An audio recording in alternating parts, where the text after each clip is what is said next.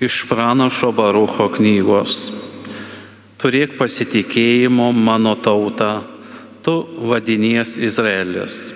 Jūs buvote perduoti tautoms, bet nesunaikinimui. Kadangi pykdėte Dievą, jūs buvote palikti priešų valiai. Jūsgi užrūstinote savo kurėją, aukodami atnašas demonams, o ne Dievui užmiršote savo maitintoją, amžinąjį Dievą, nuliūdinote taipogi Jeruzalę, jūsų augintoją. Jinaigi regėjo, kaip jūs ištiko Dievo rūstybė. Jis sakė, klausykite Siono kaimynai, Dievas man atsiuntė didelį sielvartą. Ašgi turėjau matyti, jog išvaromi mano sūnus ir dukros, kaip nubaudė juos amžinasis. Su džiaugsmu aš juos užauginau, su verksmu ir raudo, raudom juos išli, išleisti turėjau. Tegul nesidžiaugia niekas, kad aš našlė ir visų paliktoji. Dėl nuodėmių savo vaikų aš likau vieniša, nes jie nukrypo nuo Dievo įstatymo. Turėkite pasitikėjimo, mano vaikai šaukitės Dievo, taip lėmės Jisai jūs ir vėl priims, prisimins. Kaip jūsų širdis buvo palinkusios nuklysti nuo Dievo, tai dabar jūs rodykite dešimteriopą uolumą atsiversti ir jo aškoti. Jisai, kuris atsiuntė jums nelaimę, išgelbėjęs jūs, atneš jums amžiną džiaugsmą. Tai Dievo žodis.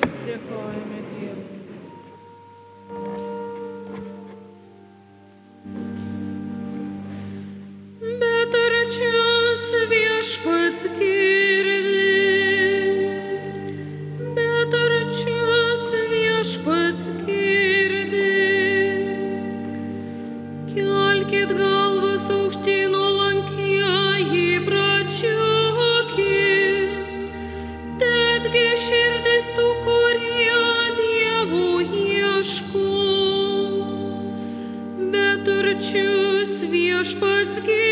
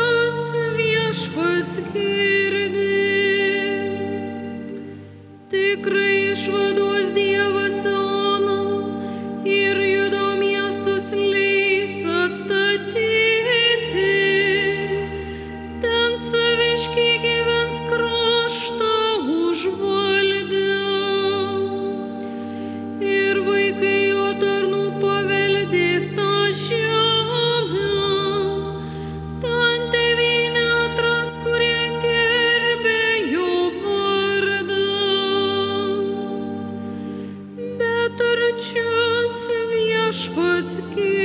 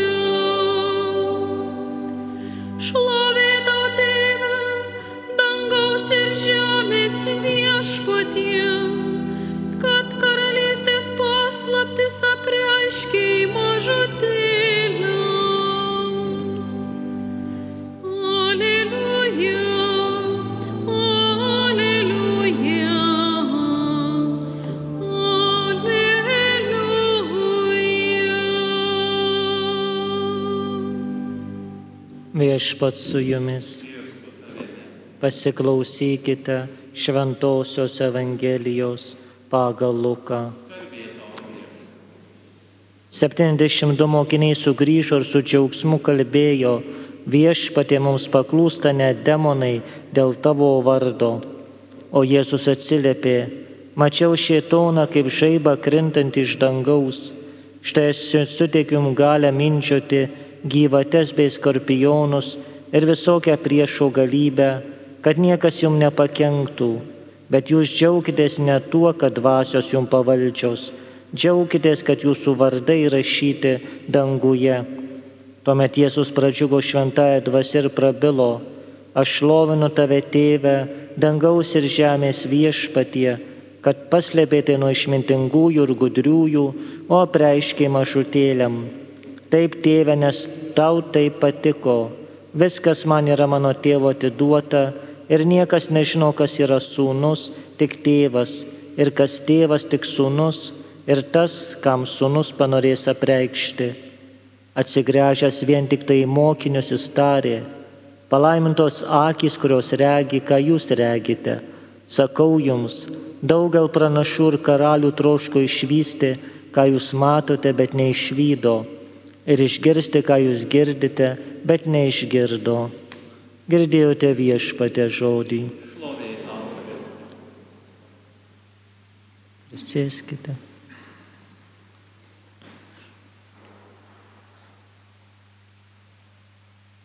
Šios dienos šventė, kurią bažnyčia mini, tai yra rožinio švenčiausios mergelės Marijos minėjimas, turi tą ne tik religinį dvasingumo aspektą, tačiau ir konkretų istorinį įvykį.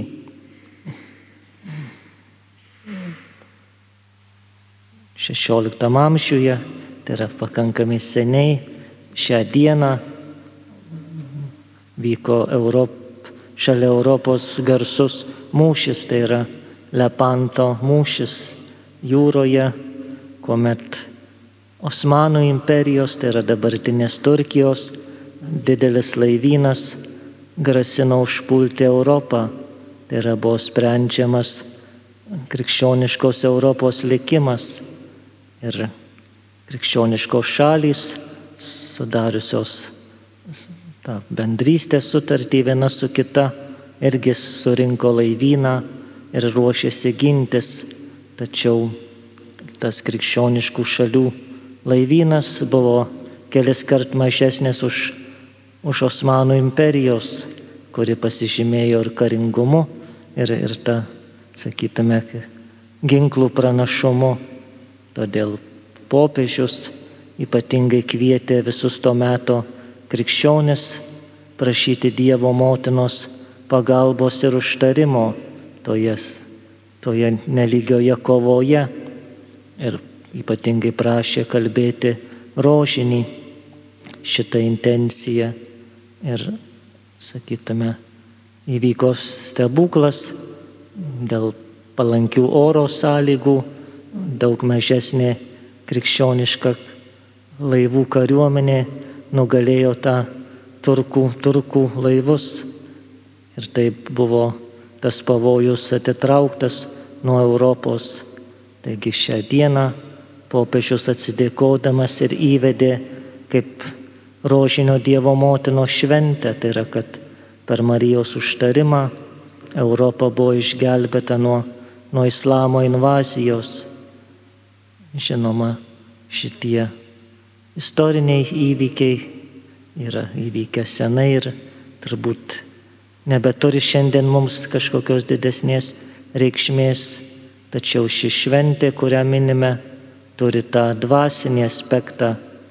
Galima sakyti, kad kiekviename iš mūsų ir dėl kiekvieno iš mūsų vyksta toji dvasinė kova, esame nuolat puolami visokiausių ir rūpeščių, ir pagundų, ir, ir kitų blogybių. Ir štai rožinis yra tas ginklas, yra toji priemonė, kuri padeda iš šio gyvenimo audrų, iš šio gyvenimo kovų išeiti ne, nenugalėtam. Tai yra tarsi nenugalimas laivas, kuris mus išplukdo sveikus ir sausus. Todėl ypatingai ir kviečiama spalio mėnesį, ir, ir ne tik spalio mėnesį, melstis rožinį, prašant Dievo motinos paramos, prašant jos pagalbos, prašant, kad jinai padėtų ir patartų. Tai yra rožinio malda. To įsakytume labai paprasta. Tai yra Evangelijos slėpinių apmąstymas, džiaugsmingų kančios, garbės slėpiniai, šviesos slėpiniai. Tai yra Jėzaus gyvenimo apmąstymas, rožinio vėrinys. Tai toji, sakytume, virvelė ir daugybė karoliukų kažkuo primena ir mūsų gyvenimą, nes mūsų gyvenime irgi, jeigu pažiūrėtume, keičia tai, tai džiaugsmas, tai skausmas, tai rūpeščiai, tai, tai geros naujienos, tai blogos naujienos, tai, tai lygos, tai dar kažkas, vis, visas gyvenimas sudarytas iš tų, iš tų karoliukų įvairiausių. Ir todėl, jeigu juos sujungiame maldą, jeigu palydėme juos malda šios visus įvykius, tuomet mūsų gyvenimas irgi tampa kaip rošinio vėrinys. Tuomet galima viską daug paprasčiau ir daug lengviau ištverti su, su maldos pagalba. Šiandien Evangelijoje viešpats ir sako, kad džiaukitės, jog jūsų vardai įrašyti danguje ir džiaukitės tuo, jog jums suteikiau galybę būti apsaugotėm nuo visokių pavojų.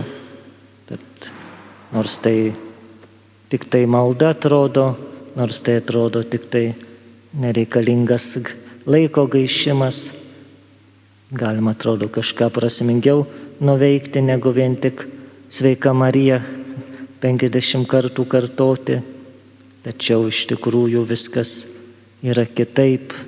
Tas laikas skirtas maldai, tas laikas skirtas rožiniui yra tas metas, kuomet Dievas labiausiai veikia mūsų gyvenime. Ar melžiamės už save, ar melžiamės už kitus, tuomet ant mūsų nužengia Dievo malonė. Tad šiandien tikrai švesdami švenčiausios mergelės Marijos, rožinio karalienės šventę, ypatingai prašykime jos artumo ir jos pagalbos mūsų reikaluose. Amen.